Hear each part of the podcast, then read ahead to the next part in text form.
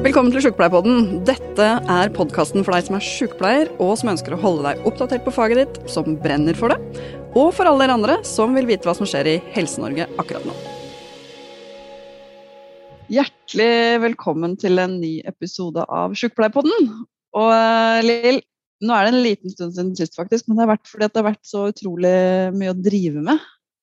Eh, de forrige episodene var jo sånn valgspesial, og da har det vært valg, da. Og statsbudsjett og regjeringsforhandlinger og mm. mulig rart. Hvordan er livet som forbundsleder om dagen?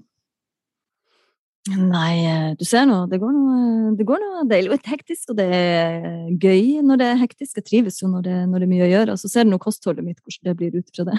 Ja, nei, nå har jeg slutta å mobbe deg for kostholdet ditt. Da. Det blir, blir mye sånn Hvis jeg skal legge ut hver gang du spiser godteri, så det blir ikke bra.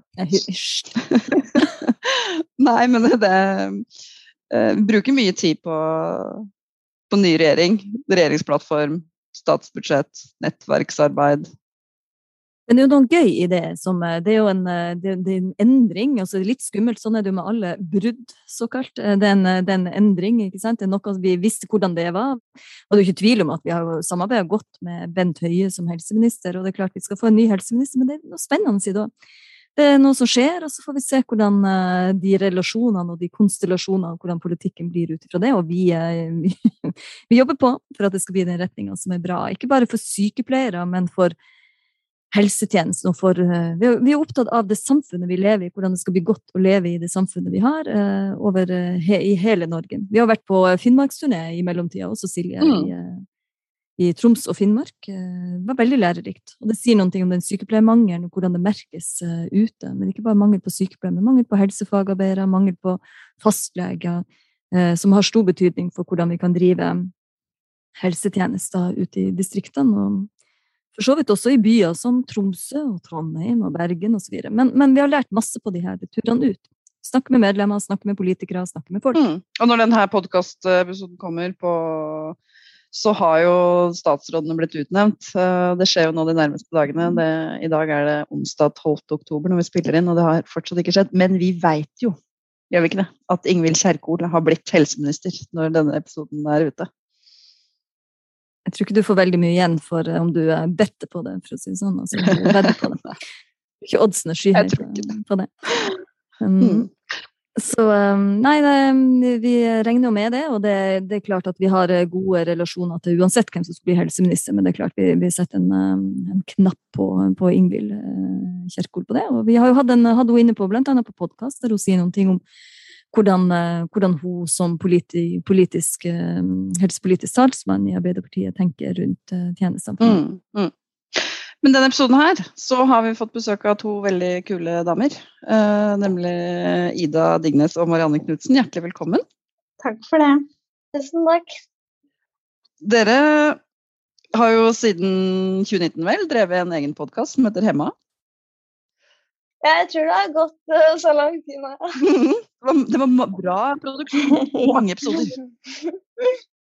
Og tema, eller Det dere snakker om i podkasten, handler om det om å leve med funksjonsvariasjon, og tar opp temaer mange gjerne eh, lurer på, kanskje, men ikke snakker så mye om, f.eks. seksualitet. Og Det tenker jeg denne podkasten, som er drevet av Sykepleierforbundet, og som mange som er interessert i helse, eh, enten man er sykepleier eller ikke, eller ikke jobber i helsetjenesten eller i det hele tatt, så er det et tema som vi møter. Eh, kan være krevende spørsmål og temaer overfor ulike folk da, og pasientgrupper. Uh, vi er tett på pasientene, også i det mest intime. Og så har jeg hørt på, som jeg sa når jeg spurte om dere hadde lyst til å være med, hørt på podkasten deres. Men ikke minst så ble vi oppmerksom på, på dere når dere fikk Skamløsprisen eh, i år. Gratulerer. Hvordan føles det å være skamløs?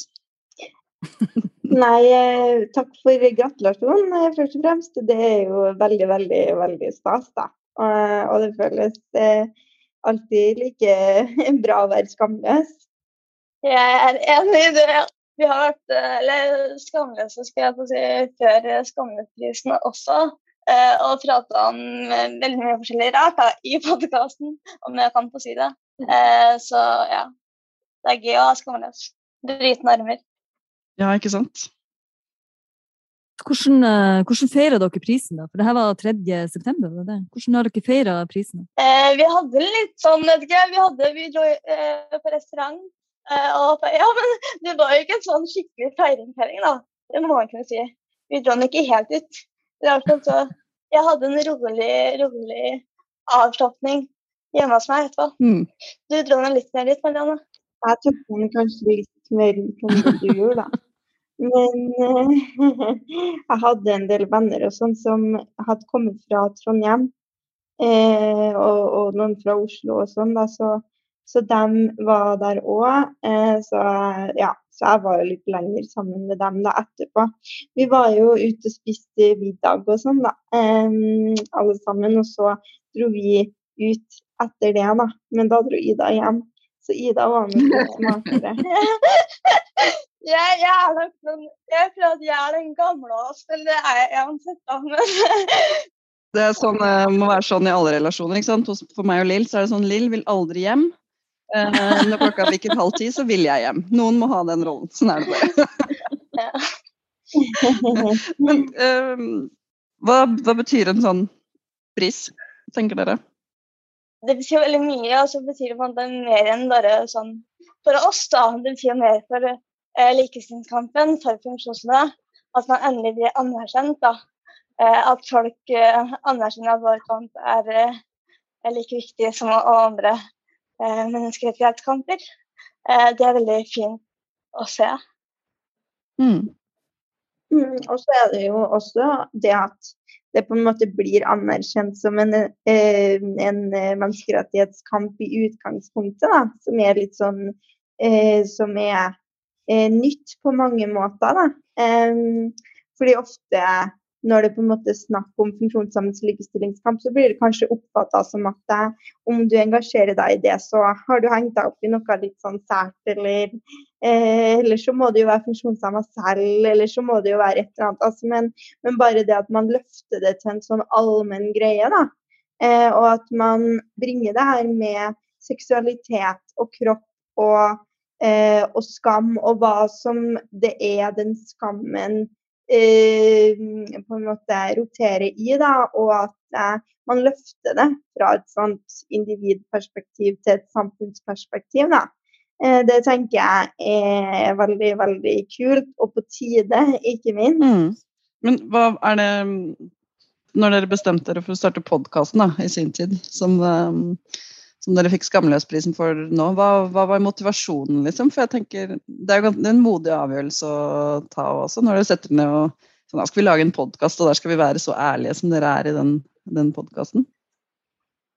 Et av målene var vel å normalisere oss. Jeg tror mange tenker at eh, oss som funksjonshemmede uh, lever passive og triste liv. Eh, mens at jeg og Marianne gjennom våre fortellinger kan vise at uh, det, er, vi lever like vanlig liv i gåsehudene. Jeg er ikke noen fan av vanlig, egentlig. Men vi liker å leve like vanlig liv da, som alle andre. Og at uh, vi er like rare og på en måte uh, mangfoldige da, som alle andre også. Sånn, vi tar jo alltid temaet her med at vi er, også er skeive. Eh, og det, det tror jeg bryter mange normer allerede uh, når vi prater om det. fordi at man til og tenker først at ok, om det er funksjonshemmet, da er det kanskje aseksuell. Uh, og så sier han at jeg er skjerva, så jeg har brutt flere fordommer allerede der, da, når vi tar opp det. Uh, så det er rett og slett det å, å bryte normer da, med å være åpne, som er et av målene i starten. da. Mm. Mm. mm. Det stemmer. Vi ville jo på en måte lage et, et uh, si, rom der som ikke fantes. da. Um, og på en måte ta store tema ned på uh, bakkenivå. Eh, og det er jo på en måte, Den bærer jo veldig sånn preg av meg og Ida på mange måter. da, Og inn, inni der så er det jo både humor og, eh, og ja, og teite ordspill og dype eh, diskusjoner og sårbarhet og mange ting. Og, og, det var vel litt det vi på en måte ønska å lage òg, for det var ikke noe som vi selv som eh, yngre, eller Ingrid, eh, hadde. En podkast, altså sånn, bare en plass der man kan snakke om de tingene som var så vanskelig å sette fingeren på når man var yngre, da, som at Altså hvorfor det føltes så dritt da å få eh, den der eh, Så fint å se at eh, du er på bussen i dag, eller så flink du er som klarer å trykke på knappen i heisen, eller liksom de kommentarene der, altså, som i utgangspunktet var ment som et kompliment, men som egentlig føltes skikkelig dritt. Og så hadde man på en måte ikke et sted eh, eller et rom for å, for å, for å eh, for å på en måte legge den der da, og, og, og forstå hva det handler om. Og, så Det er jo en av mange ting vi liksom gjør i podkasten, at vi snakker om, om sånne ting. da, Alt fra normer til det, til seksualitet, til, til kropp, til ja. Mm. Mm. Den, når dere fikk Skamløs-prisen, så holdt dere en veldig sterk takketale. Jeg, jeg vil at Den burde jo alle gå inn og, og høre på. Men der sier dere noe Jeg har lyst til å jeg tror kanskje rett og slett bare siterer dere, og så får dere, kan dere utdype etterpå. Um, men som Jan Grue skriver i den nye boka 'Hvis jeg faller'. Det er vi som er problemet. Vi har ikke råd til å være sinte. Det vi må gjøre, er å snakke med rolig stemme. Vi må smile, men ikke smile for bredt. Vi må oppføre oss som vi trives med å være maktesløse. Og det har blitt så normalt at vi nesten ikke ser det. Det er sånn at funksjonshemmede skal oppføre seg når vi får beskjed av kommunebyråkrater at vi kun får assistenttimer til å dusje to ganger i uka. Det er sånn vi skal oppføre oss når noen klapper oss på hodet og sier 'så flink du er til å ta bussen'. Det er sånn vi skal oppføre oss når folk stiller oss private spørsmål om sexlivet vårt på byen. Men vi er lei av normer. Normer som fanger oss inne i trange båser, og normer som sier 'her hører ikke du til'. Det er veldig, altså veldig sterkt og veldig ærlig beskrevet. Har dere fått mange reaksjoner på den takketalen nå, eller? Vi har jo fått eh, veldig, veldig mye positive reaksjoner og litt, eh, litt sånn eh, eh morsomheter, skal jeg si, eller sånn eh, komisk rundt at den var veldig lang. Eh, men den var veldig, veldig fin, da. det var veldig fin. eh, eh, og, eh, og, ærlig. Så det har vi fått mye positive tilbakemeldinger på at den var, da, og at den satte et, eh, satt et inntrykk hos folk. Eh, og at det var mye som rørte seg i den salen, da. Og grunnen til at mm. det er på en måte så følsomt, da, er jo fordi at det vi sier er sant. Eh, akkurat mm. eh, det som Jan Grue skriver, og det vi fant reflekterer rundt at han skriver, det er sant. Det er sånn det er. Eh, og vi blir behandla som annenrangsborgere. Eh, vi kan bryte normer. Vi er maktesløse. Vi må takke eller vi må ta til takkene da, og få åtte timer. For det er ikke vi som har makta. Det er byråkraten på den andre siden av bordet som har makta til å gi oss de timene som vi trenger for å liksom få oppfylt vår rettighet. Eh, at jeg tror det som gjør at folk reagerer sånn, at folk begynte å grine i den salen, var det at det er sant. Alt det som er sant. Mm. Og det gjør det enda fælere og enda viktigere at vi tar det opp, da. Mm. Og så er det jo Det er jo på en måte så Og det er det jo, å ha den podkasten. Og det å på en måte drive likestillingskamp og det å kjempe for rettighetene sine, det er jo kjempepersonlig. Eh, mm. det er jo noe av det mest nære og personlige man gjør. Eh, og det er jo viktig å huske på. Fordi det å kjempe for rettighetene sine, det, jo, det hadde jo vært mye enklere å bare tenke at nei, men det, det, det dropper man bare. Um, mm. Så det er jo på en måte Det å fortelle om den diskrimineringa som man kjenner på kroppen, da. Eh, og det man opplever fordi altså det er jo det handler jo om deg selv, det handler jo om hvordan kroppen din fungerer. Det handler jo om eh, Det er jo på en måte det som gjør at man blir behandla som annenrangs. Eh, og det er jo ikke pga. kroppen din, det er jo pga. samfunnet. Men ja, at det er det som skjer, da. Eh, og det er, jo, det er, jo, kjempepersonlig. Så det at man forklarer, forteller om det man kjenner så tett på kroppen selv, da, det tror jeg også berører når det berører noe i deg, så berører det også noe i andre, da. Mm. Mm. For Det er jo helt klart at det her er en likestillingskamp. Og vi Silje, vi prater jo om likeverdige tjenester. Det betyr ikke at det nødvendigvis skal være likt, men det må være ut ifra det som bruker eh, pasient, pårørende, alt etter som, vi, vi, har i relasjon til, har behov for. Men det dere beskriver her så innmari godt, er jo den posisjonen dere blir plassert i, som noen som skal være takknemlig fordi dere eh, Hva det enn måtte være, men en slags takknemlighetsgjeld man, eh, man står i, som gjør at dere må oppføre dere ut fra noen normer. Hvordan skulle dere ønske det var? Hva vil, hva vil dere ha slags endring? Altså, de normene kan jo være noe som vi alle sammen kan kjenne på fra tid til annen, men så blir det som dere sier, det blir så innmari sterkt med de beskrivelsene som dere står i som um, Det er lettere for meg, og du Silje har jo pratet om det, det er jo lettere for meg å sykepleiere. Så det å prate om hva mm. sykepleierne trenger, mens det vanskeligste intervjuene som jeg gjør, er jo dem når en begynner å spørre om hva, hva jeg trenger. Eller hva er det som, som, er mine indre tanker eller ideer om ting. Da blir det litt vanskelig, sånn som det er Vårt Land-intervju, Silje, som, eh, som omhandler tru og religion og i det hele tatt. Så det er mye vanskeligere å prate om, om seg sjøl og de, de, for dere som står med, med, med de utfordringene. Men hvordan skulle dere ønske det var? Hvordan skulle dere ønske dere ble møtt? Jeg skulle ønske at folk møtte oss sånn Altså eh, ikke-funksjonshemmede eh, folk.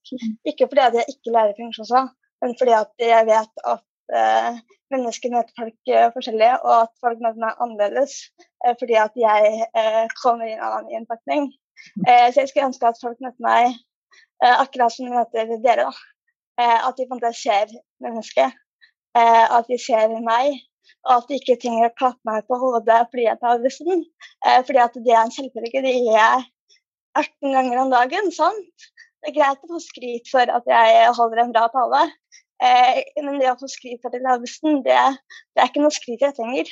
Og en annen ting er at jeg skulle ønske at eh, eh menneskerettighetene deres ble oppfridd. At man fikk de innfridd, rett og slett. At man ikke trengte å slåss imot kommunebyråkrater som innvilget to timer til på en måte, ja, ikke to timer, men to ganger dusjing i løpet av en uke når man i realiteten ønsker å dusje eh, kanskje fire ganger eh, i uka, og som trenger å slåss for den rettigheten, eh, det tenker jeg at er unødvendig bruk av min energi. Eh, fordi at min energi blir heller gå til andre ting som skole, eh, pleierelasjoner osv. Sånn som alle andre mennesker eh, gjør. da. Eh, men fordi at jeg kom i en litt annen form, så er man nødt til å ta den kampen. da så mange nivåer. Og det er slitsomt. Mm. Ja, jeg syns jo du sa oppsummerte veldig, veldig greit eh, der, Ida. Eh, og det er jo ikke det som, som fordi mange tenker jo at det er på en måte en sånn eh, løsning, da, om folk ikke hadde sett rullestolen, liksom. Hvis folk ikke hadde sett rullestolen og ser menneskene, da løser det seg, tenker man. Men den er litt sånn der, det går ikke an å det blir litt som den derre I don't see color.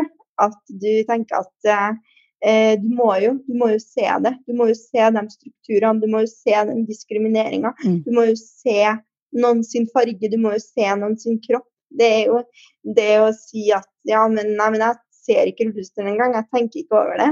Altså, altså, Om jeg tenker på hvor mange år jeg følte at det var et skikkelig kompliment, jeg ble jo så altså når jeg var yngre, hvis noen sa sånn Nei, men jeg ser ikke rullestolen. Eller jeg kunne si sånn Ja, men han ser ikke rullestolen. Hun ser ikke rullestolen.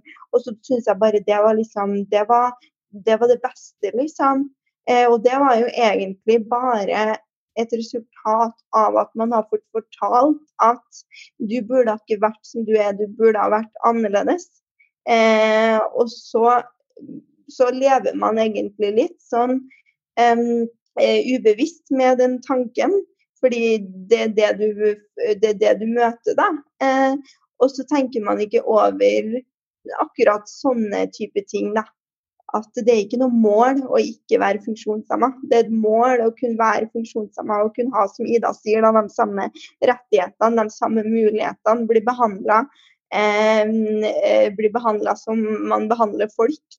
Så det er jo det som er målet, rett og slett. Da, at det ikke skal være et kompliment å være ikke-funksjonshemma. At det å være funksjonshemma ikke skal være en feil, men at det heller Altså at vi heller lever i et mangfold med ulike kropper, ulike farger, ulike legninger. Og altså at det er det helt altså det er det mest naturlige i verden. Det er ikke noe mål om å skulle forandre mennesker, det er mål om å skape et samfunn som har plass til alle de menneskene. Mm. Apropos det, jeg kan skyte inn nå.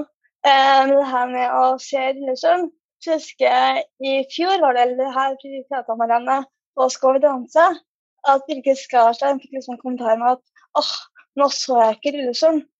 Og det har vi reagert på mm. veldig, jeg og Marianne, etter det. at det er ikke et kompliment. Ja, eller sånn der, du er så, du, Nå var du så flink til å danse at jeg ikke tenkte på at du satt i mm. rullestol engang.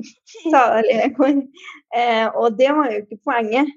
Uh, poenget var jo at Eh, det var jo selvfølgelig noe helt historisk at Birgit Skarstein var med på Skal vi danse i rullestol. Og det er jo på samme måte som det er helt historisk når, eh, når Barack Obama ble president i USA. Um, og, og, det handler jo om at man utfordrer de strukturene. Uh, men, men, det var jo ikke noe mål om at Birgit Skarstein skulle bli ikke-funksjonshemma, eller danse som om hun ikke var funksjonshemma. Da må man jo heller anerkjenne at hun som funksjonshemma kvinne gjorde en råbra jobb på det dansegulvet. Ja, det er utrolig bra sammenligning. Ja. Tenk om Barack Obama han har sagt til han, han var så flink som president at jeg ikke engang så at han var farga. Liksom, nå, nå, er det ikke den personen lenger. Ja.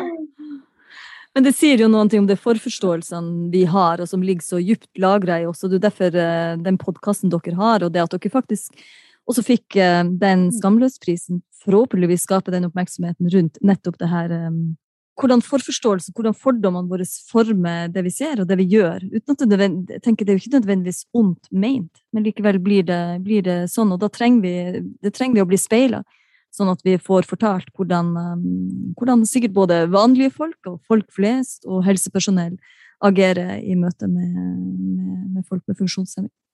Hvordan tenker dere, Er det noen forskjell på sånn som dere opplever å bli møtt i helsetjenestene opp mot plain vanlige folk på, folk på gata?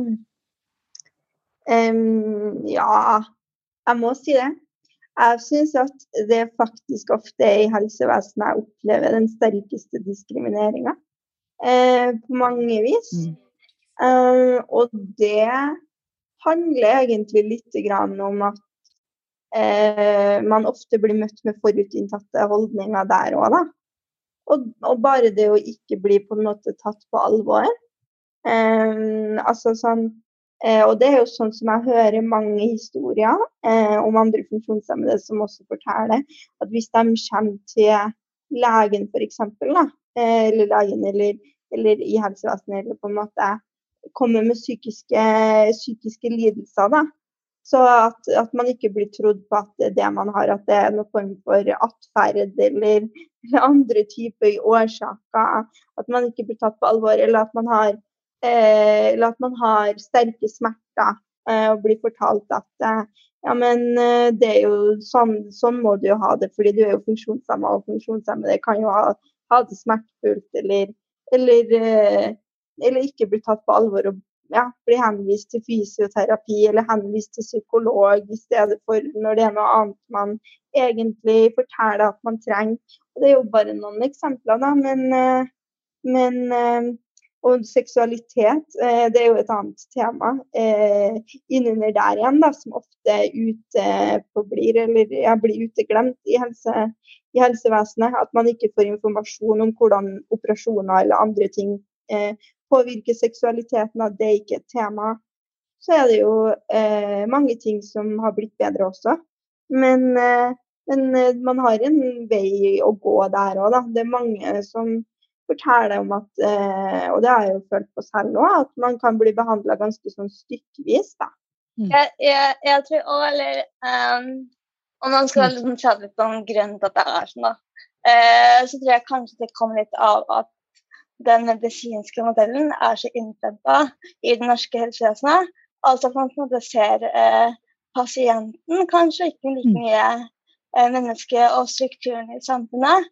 Altså man tenker at OK, deg skal gjøre frisk. Mm. Eh, deg skal gjøre slik at mm. du passer inn i samfunnet. Jeg må reparere deg. Istedenfor å tenke at samfunnet skal repareres, slik at samfunnet eh, er tilrettelagt for alle mennesker. Uavhengig av eh, hvordan man eh, kommer eh, i hvilken fasong. Altså, jeg tror mye av det handler om at den medisinske modellen er så innprenta akkurat der. Og det er ikke rart den er det akkurat i helsevesenet. Eh, men jeg skulle ønske man kunne komme litt nærmere den menneskerettslige modellen. Da. Som heller ser på at man ikke har, eh, at man ikke har kommet dit man har kommet pga. manglende universell utfordring. Og det er det som er utfordringen i forhold til mm. rettighetsoppnåelse. Eh, det er ikke det at man trenger å fikse på, sånn biologisk sett, men det er samfunnet som har endret seg eh, for at man skal bli eh, behandla som like, like mennesker og andre. Og så det jo, handler det jo mye om bevissthet òg, da. At, det, at man kanskje altså sånn der, man tenker at man ikke trenger å ta en runde på det, men at man hele tida må være bevisst på sine egne forutinntatte fordommer og, og, holdninger. Da, og at det er, er, er ekstra viktig når man eh, ikke er en del av en minoritet selv. Eh, og har, også sånn som Ida snakka om litt tidligere, på en måte litt det makt maktforholdet overfor noen andre. At man må være bevisst på at sine holdninger eh, og stereotypier eh, som, er, som, mennesker har, fordi det har alle sammen på en eller annen måte, men at man er bevisst på dem i møte med mennesker så man ikke behandler folk annerledes ut ifra det. da. For det er det kjempelett å gjøre, og det er kjempelett å ikke være, eh, å ikke være bevisst på det. Eh, jeg tror det jeg kunne supplere litt Marianne der. fordi at eh, Når man prater om at man ser på en måte eh, sykdom i gåseøynene, eh, så glemmer man kanskje litt at mennesket er eh, så mer enn det. Og at om man kommer inn da, til eh, sykehuset, at man kan komme inn dit av en annen grunn enn at man sitter i rullestol. Kanskje det er et eller annet med kvinnehelsa som gjør at man kommer dit. Og så kan kanskje legen glemme litt at shit, dette mennesket her er mer enn bare et funksjonsvann. Hun er kvinne, hun er skeiv. Altså det er så mange elementer da, i det livet uh, som kan være avgjørende til at den personen kommer dit. Mm. Mm. mm. Det er veldig viktig. Det her er selvfølgelig det som eh, Det å ligge i idealene til sykepleier, det å se menneskelig, helhetlig eh, og koordinert med eventuelle andre tjenester man har behov for. Men det helhetlige synet på på fysikk er jo én ting, det er jo en del av det, men også psykisk helse selvfølgelig, med, og emosjonell helse. Men den sosiale helsa også. Og i den sosiale helsa så hører du jo til i relasjon til, eh, til noen andre i et samfunn. Så ser det i den sammenhengen. Og det er klart at uh, her er det mange fallgruver. Også når det går på, på tida vi har uh, til rådighet, men samtidig så er ikke det en unnskyldning i, i seg sjøl. Uh, det er, som dere sier, det er jo det er noen ting med tid til å gjøre de refleksjonene også i et fellesskap, eh, og bli speila. Vi trenger også sterke bruker-, pasient-, pårørendeorganisasjoner også som speiler helsetjenesten og sier at vet du hva, sånn her ser det ut fra vår side sånn at de kan, eh, kan, bli bedre. Og igjen ta det i kampene, så vi får tid og ressurser til å kunne gjøre jobben vår ordentlig. For det ligger virkelig i idealene til helsepersonell og til, eh, til sykepleiere. Det er jo litt interessant det dere sier om disse strukturelle tingene. fordi det er ikke noe tvil om at idealet vårt, Lill, det er jo akkurat sånn som du sier. ikke sant? Og det eh, sykepleierne har, men også medisinerne, har jo et veldig sånn tydelig etisk eh, profesjons Eh, bakgrunn, som, er veldig opptatt av uh, nettopp dette med å se hele mennesket og, så, og samfunnsansvar og det strukturelle og selvpakka. Men så blir vi kanskje det som dere sier, at man skal altså, man må slåss mot systemet, slåss mot kommunebyråkratene som skal bestemme hva som er Uh, riktig antall uh, dusjer du skal ta i uka. Jeg kjenner det så godt igjen. Og der sitter det ofte sykepleiere eller andre med helsefaglig bakgrunn ikke sant? i andre enden og er disse byråkratene. Og så skal de forholde seg til dette systemet og det lovverket som har blitt sånn, og gjøre noen vurderinger um, innenfor det. Og så glemmer man uh, de profesjonsetiske avveiningene, eller det blir spist opp av jeg vet ikke, Det blir spist opp av et system, kanskje, på en eller annen måte. Men, men liksom bare sånn, vi, hvis, vi, hvis, vi, ser at vi, vi, ser noen strukturelle utfordringer her, eh, hvordan kan disse gode kreftene eh, sammen være med å endre det? For det er jo ikke det at folk ikke ønsker jeg tror ikke det er sånn at det er vond vilje. Liksom. Det er ikke Folk ønsker ikke nødvendigvis skal være sånn, men det er sånn allikevel. Og hvor har vi trådt feil, og hva, hvordan kan vi endre det? Ja, men litt tenker jeg er holdninger også hos mm. helsepersonell, og det at vi ser, eh, vi ser, eh, vi ser det kanskje litt um, også, som jeg sier, kanskje fordi vi ikke har eh, tid eller ressurser, eller at vi jobber ikke lenger så mye i fellesskap og har tid til å diskutere etikken rundt det. Men det å se, det samme gjelder jo tar personer med demens, så vil jo dem også beskrive, eller pårørende til personer med demens, beskrive at man ikke får de tjenestetilbudene man er nødt å krangle seg til, at man ikke får hjelp i heimene osv. Så, videre. så noe er jo knytta til ressurser, men det er også noe med Um, ville man ha gjort det samme hvis det hadde vært ungene våre, for Altså, det er noen slags holdninger til at hvis jeg er gamle, så er det ikke riktig så nøye.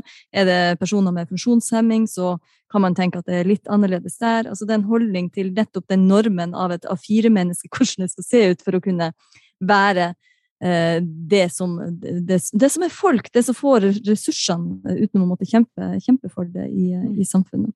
Så det å gjøre den podkasten som dere gjør, det er jo en ting med min og Silje og NSF sin podkast, Sykepleierpodden, den her, men den podkasten som dere gjør, og det og jeg håper dere har fått masse gode tilbakemeldinger på Skamløsprisen også. Det er jo med på å løfte opp nettopp den, den, den fortellinga som gjør at vi er nødt til å tenke oss om og spørre men er det her riktig, er det sånn vi ønsker å ha det? Og svaret der er jo helt klart nei. Sant? Dere sammenligna i sted med, med, med, personer med mørkere hudfarge enn oss, og vi har jo snakket, vi hadde en pride-podkast eh, mm. tidligere, Silje. Eh, og vi, i, som NSF så har vi jo også knytta til kvinneperspektiv i seg sjøl. Og så er det som du sier, Ida, når du da har funksjonshemming av noe slag, og du, har, du er skeiv og du er kvinne, så kommer du inn på Det eneste du mangler, at du er mørkhuda i tillegg.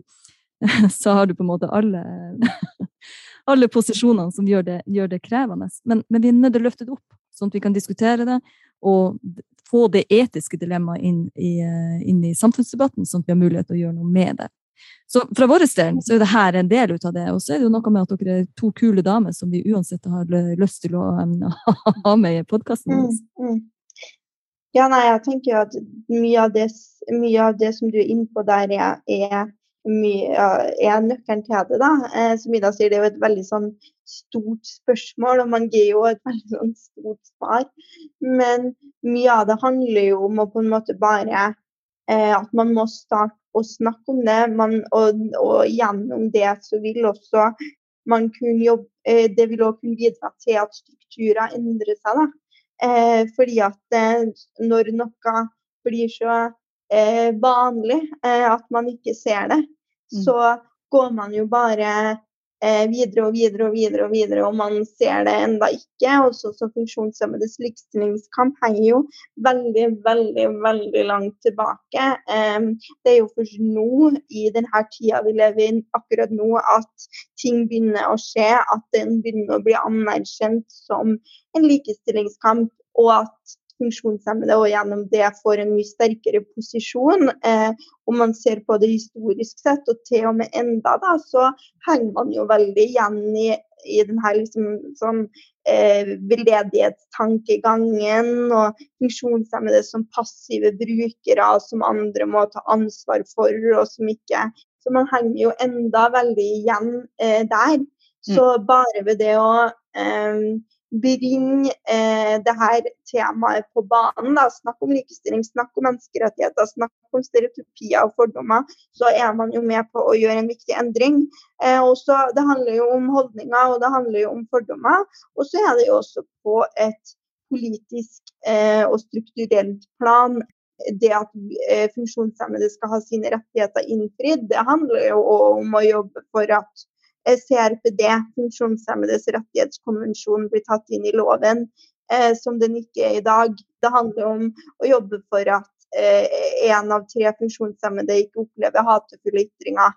At 80% av skolene er um, utilgjengelige. Og alle liksom eh, Så det, så det er der òg. Når holdninger og og bevissthet øker, så vil jo igjen også det påvirke avgjørelsene som blir tatt rundt eh, altså politiske avgjørelser eh, og valg der. Så alt eh, henger jo sammen. Mm. Er det enda mer behov for å jobbe med lokalpolitikere enn sentrale politikere, tenker dere? Og grunnen til at jeg spør, er at jeg tenker sånn som individuell plan eller um, andre, altså som er lovfesta. Uh, så det betyr ikke at nødvendigvis um, Du kan få en individuell plan, og da har du liksom check, da har kommunene fylt opp lov, loven sin, altså lovplikten, men ikke innholdet i det. Det, det, betyr ikke at du nødvendigvis får et innhold i individuell plan, du har bare fått den. Og Sånn er det med flere ting. Som, altså Lovverket ligger jo der, ligger retningslinjer, både kvalitetsforskrifter ligger i forhold til borgerstyrt, altså brukerstyrt personlig assistent, altså BPA-ordninga. Det ligger jo flere ting som fra sentrale politikere er lagt, men som likevel ikke blir fylt, uh, fylt opp. da. Det Tjenestetilbudet blir ikke gitt i kommunene likevel. Så burde vi prioritere kommunepolitikken og politikerne der i langt større grad, eller hva tenker dere? Mm. Det kan jo svare være ja, om det kan være nei. Jeg tenker at eh, man egentlig burde legge ansvaret på eh, begge sider her. Eh, de sier at eh, det er kommunene som ikke følger opp rettighetene. Ja. Men igjen kan vi se på det at eh, det kanskje kan være utydeligheter i rundskrivene eh, fra statlig hold. Så jeg tror ikke jeg skal legge skylden på den ene eller den andre siden, men heller på å ha en sånn felles ansvar for å løfte politikerne opp både på lokalt og statlig plan. Sånn at eh, de eh, på begge sider av skalaen her kan sole seg i glansen av rettigheter som er innfridd, istedenfor at måte, staten pålegger rettigheter som kanskje ikke er så godt utgift, og så kanskje ikke lokalpolitikerne føler at de får nok detaljert info om hva de faktisk skal gjøre. Så jeg tror ikke man skal velge å jeg setter fokus på det ene og andre siden, og tenker at begge deler er like bra. Er det stor forskjell på BPA ut fra hvor man bor? Hva slags uh... Ja. Det er, altså, det helt tydelig. Ja, det er det. Det er litt forskjell. Ja. Hva er grunnen til det? Er det byråkratiet som tolker regelverket ulikt, eller er ja. det hva Ja, ja jeg, jeg, tror at uh, svaret handler om det. Uh, men der vil jo nok svaret være ulikt fra eh, folk man møter oss før. Uh, men jeg tenker det handler om manglende eh, økonomisk eh, prioritering, kanskje. Eh, fordi at tjenesten er jo såkalt kostnadsnøytral. Og det betyr at DPA skal ikke koste noe mer enn andre tjenester. Men så ser man jo at DPA skal innfri likestilling. Og på den måten kan det være at den er nødt til å koste mer eh, enn andre tjenester. Mm. Akkurat som at barnehagen eh, kosta mye eh, for kvinner. Sant? Eh, så han måtte kanskje legge av en stor pott eh, til her. Eh, så jeg tror at svaret handler om det, men det er ikke det er nok forskjellige svar. da. For hvilke folk man møter på. Mm.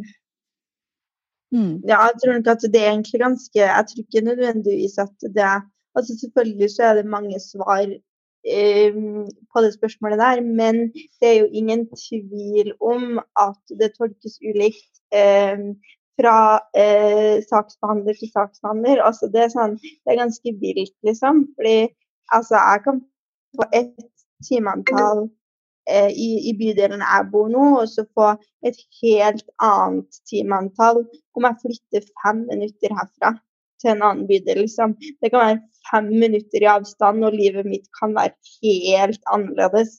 Det kan liksom rives bort. Eh, eller strykes bort med et pennestrøk, og jeg har ingen kontroll over det fordi jeg flytta fem minutter bort i gata, liksom.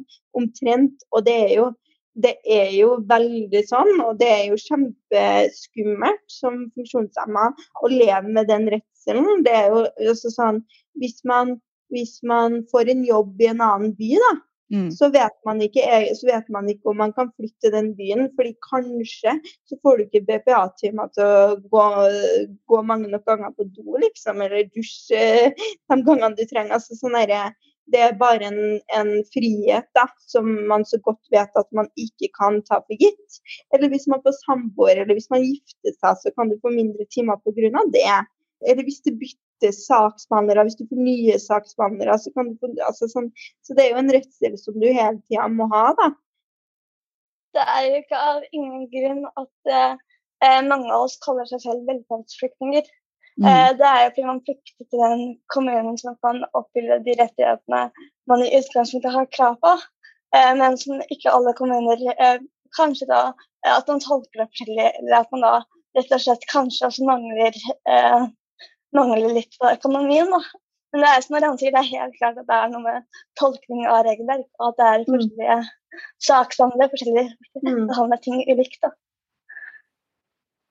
Ja, og så er det jo mange som igjen også, når det kommer til BPA, sitter igjen med en litt sånn øh, litt sånn øh, gammel skal si, tankegang. da.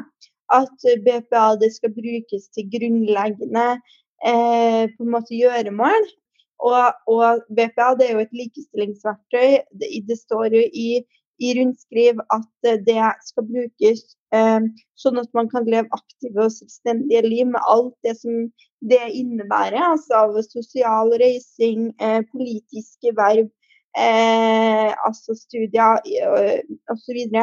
Og, det er jo mange som liksom sitter litt igjen med den tankegangen om at det Eh, det går at det ikke rommer da, intensjonen med BPA, og at det også er mangel på kunnskap der. da, At litt sånne, sånne si, ting som man kan ta for gitt da, om man lever et liv som ikke er funksjonshemma, blir en sånn luksus eh, om du er funksjonshemma. Og, eh, og, at man glemmer liksom, det likestillingsperspektivet i det, da, og at det, eh, det foregår på mange plan. da.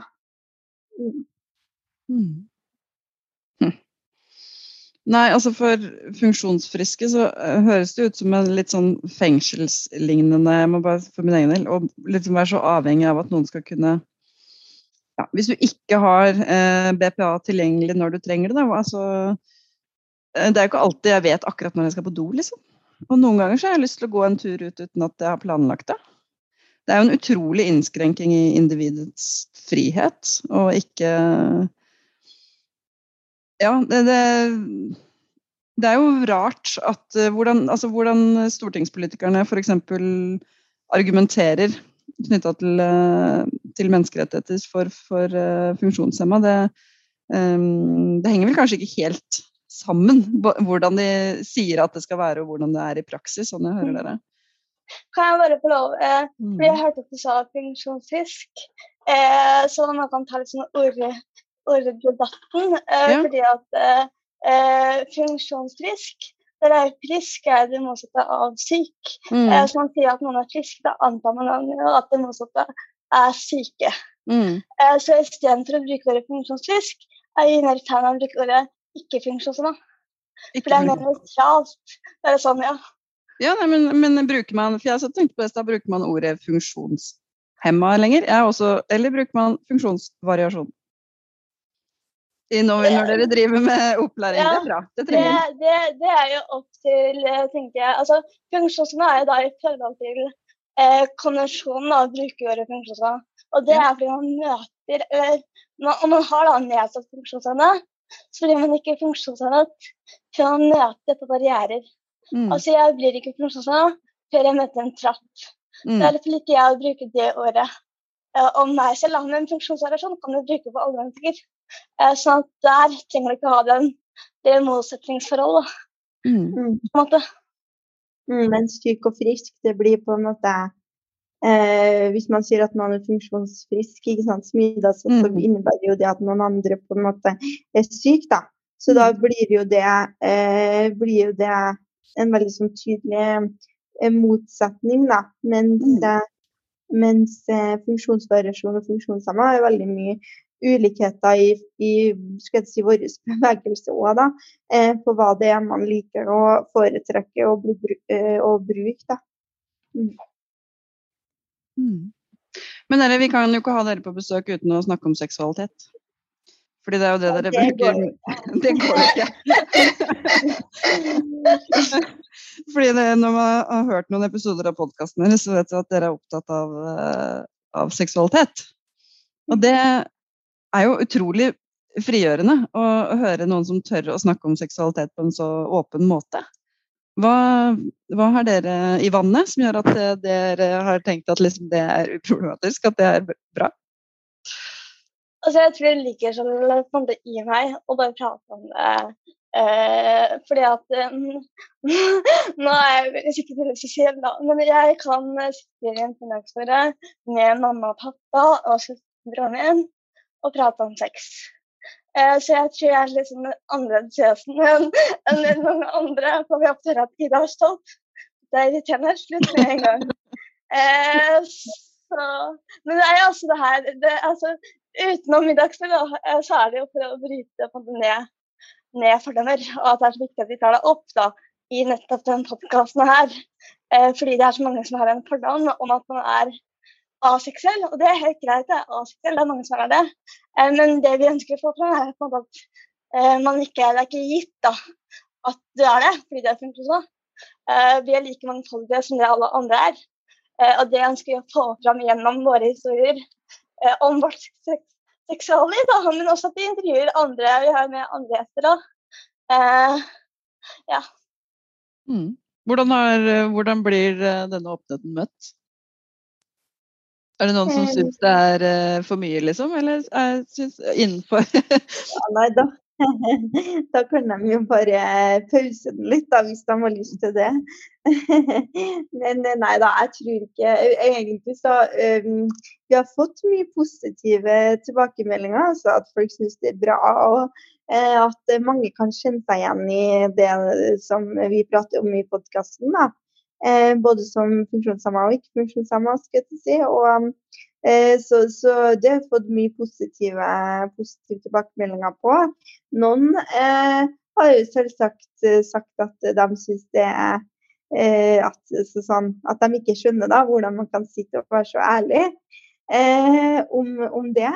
og og der så tror jeg jo at vi, vi er jo veldig sånn av natur, da, og i det at det er ingenting som ikke kan snakkes om. og Det er jo få ting som er så naturlig som sex. Um, så hvorfor skal det være så farlig uh, å snakke om? Det må man jo bare uh, slutte med.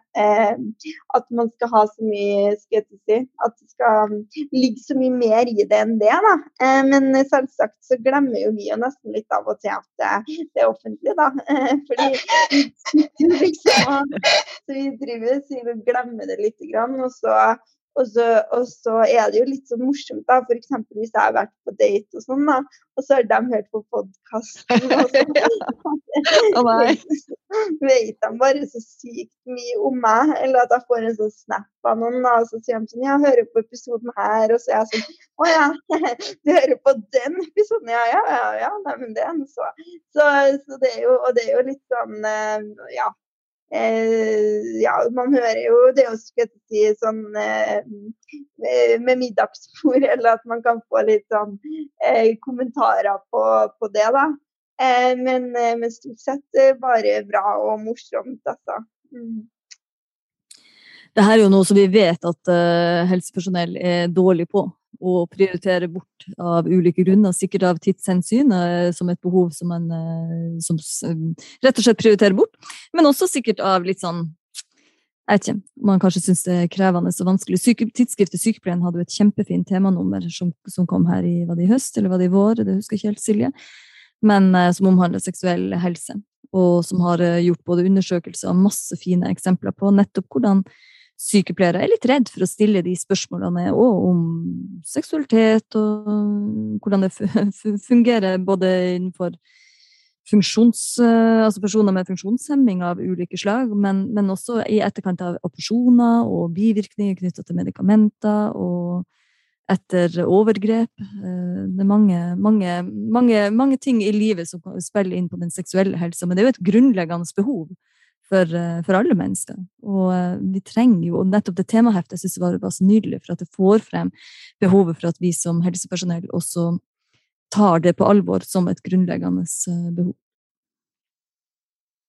Hva er de morsomste historiene dere har fortalt i, i, i podkasten? Hvis noen som lytter på Sykepleierpodden nå, som tenker sånn nå må jeg gå inn og lytte på Hemma. Hva, hva er det morsomste og viktigste historien? Nå kan jeg ikke få noe av mm, nei, eh, vi har nå litt av hvert å velge i. De episodene som går liksom sånn veldig på seksualitet. Altså, vi snakker jo litt om sånn sex eh, Det er jo noe som nevnes i omtrent hver episode, da. Men, eh, men, men de episodene som liksom går, går, inn på det, det er jo Vi har jo blant annet um, den eh, som går på eh, sex og kropp og sårbarhet, mm. den er veldig sånn eh, personlig og, og viktig, eh, syns jeg. Eh, så den eh, anbefales å høre på. Og så har vi en som er sex og Eller nei, spontan sex med BPA, og ikke med BPA. Da. Det, det, navnet, det, navnet, kan jo være litt sånn upresist, kanskje. Men, men, ja. Men når du har BPA, da. At liksom hvordan har du Hvordan får du plass til liksom den spontane sexen, da. Så har vi en episode om det. Så har vi også hatt Ola Skrøder Røiseth på besøk. Og han er jo også en fyr dere kan google om dere har lyst til å lese litt om sex. Og han er jo der da og snakker om, om sex og ja, dating og BPA og ja. Så det men sånn morsomme historier Jeg blir sånn her fordi eh, vi og Ida vi er jo venner liksom utenom òg, utenom podkast. Så jeg blir sånn her hvis, eh, hvis, det er noen historier som vi egentlig ikke har tatt opp ja, det er ikke noe Vi pleier å snakke om ting sånn, vi pleier å snakke veldig fritt. altså Det er veldig sjelden vi klipper noe bort eller ikke, på en måte. Men, eh, men om det skulle være noen historier som vi ikke har snakka om i podkasten, så vi, vi diskuterer jo litt i forkant av episoden episodene hva det er vi skal ta opp og sånne type ting. Så jeg har bare skjønt at jeg ble litt sånn redd for å plutselig komme en historie som, som, som, Ida eller noe sånt blir tatt litt på senga av, eller et eller annet. Du kan ikke si at hun blir tatt litt på senga. Apropos. Men noe som er liksom Egentlig jeg tenker ikke at det er morsomt, men jeg tenker at det er åpent og ærlig. Men det at liksom man sklørter, Eh, det er litt sånn ikke, uh, veldig vanlig egentlig for meg når Janne pratet om, men det er jo noe som folk har reagert på. At jeg er sånn Herregud, at dere er så åpne om det, liksom. Eh, men, men ja, jeg syns det er fint da, å være åpen om, om kroppslige væsker. Men ja.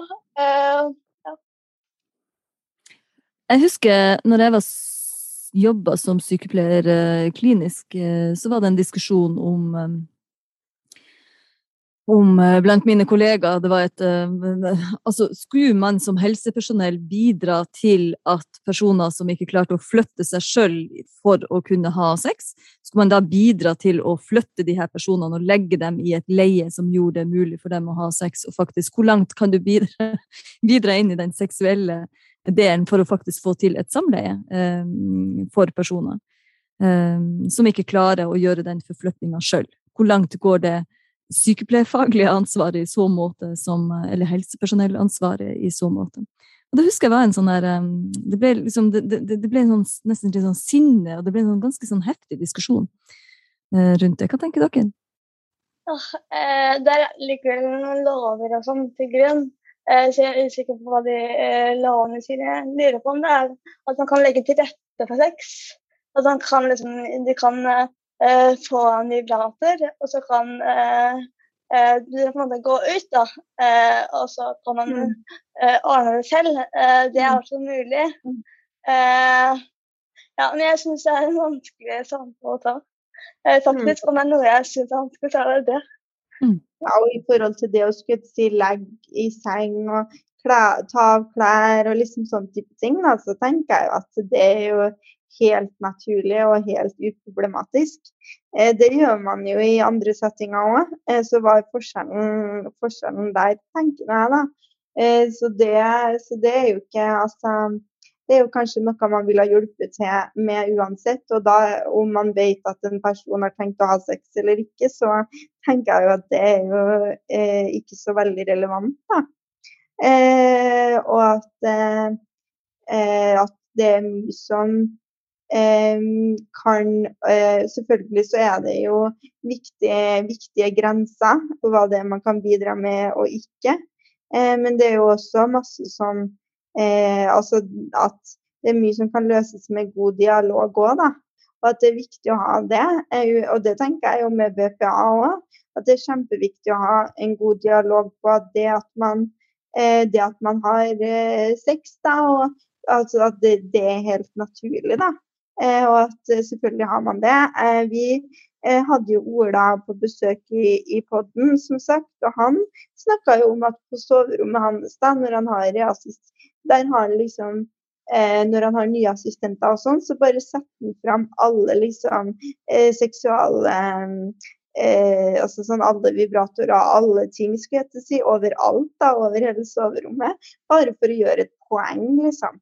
Sånn at når BPA-en liksom starter på, på, jobb og sånne ting, så er det ikke noe sånn derre når man er ny, da, at det skal være noe sånn Det gjemmer vi i en skuff, liksom. Det skal være sånn herre hello. det er en helt naturlig ting. Hvorfor skulle det være noe annet? Det var morsomt, Jeg hørte på den episoden, det var en morsom test. da. Hvordan, hvordan at han satt buttpluggen på nattbordet for å sjekke om, for å sjekke om BPA-en egentlig var noe å ha eller ikke. Hvordan han reagerte. Så bra. Nei, men Det viktige her, dere, som dere sa, er vel nettopp det med dialog. Den åpenheten og dialogen. Så, og jeg håper dere bare fortsetter å er så, så skamløse som dere er. Mm. Og at dere også tør å speile oss som helsepersonell og si hva, hvordan det erfares fra dere, og hva dere trenger. Og det er jo akkurat sånn dere, sånn dere er, og sånn dere gjør. Mm. mm. Ida og Marianne, tusen takk for at dere tok dere tid til å være med i Sykepleierpodden. Det var veldig fint. Det er ferdig allerede. Ok. Å oh, ja. Hvis dere har lyst til å si noe mer, så har dere muligheten. Nei, nei, det gikk så fort. Det var hyggelig å være her. Ja, så bra. Det som er så bra med podkastformatet, er at alle som hører på, kan liksom få tid til å reflektere litt og stille seg noen spørsmål. Og jeg, jeg, jeg har i hvert fall skrevet ned noe som jeg syns uh, eh, er veldig viktig med det dere sa, og det er at uh, man kanskje til og med opplever den sterkeste diskrimineringen i helsetjenesten. Mm. Det, skal, det, skal, vi ta med oss tilbake, for der har vi et uh, stort profesjonelt ansvar for å finne ut av hvordan vi hindrer at det er sånn. Så det er viktig kunnskap å ha. Mm. Ok, neste, neste, episode av Sykepleierpodden, den uh, vet jeg ikke helt når kommer ennå, men eh, vi skal i hvert fall delta på pasientsikkerhetskonferansen 3.-4.11. Det blir veldig spennende. Da er det vår første livepod. Det gleder vi oss til. Ja. På Deichman. Yes. Så det blir veldig gøy. Men uh, utover høsten så kommer det, kommer det, flere spennende episoder, og det gjør det helt sikkert av uh, Hemma også. Så følg med.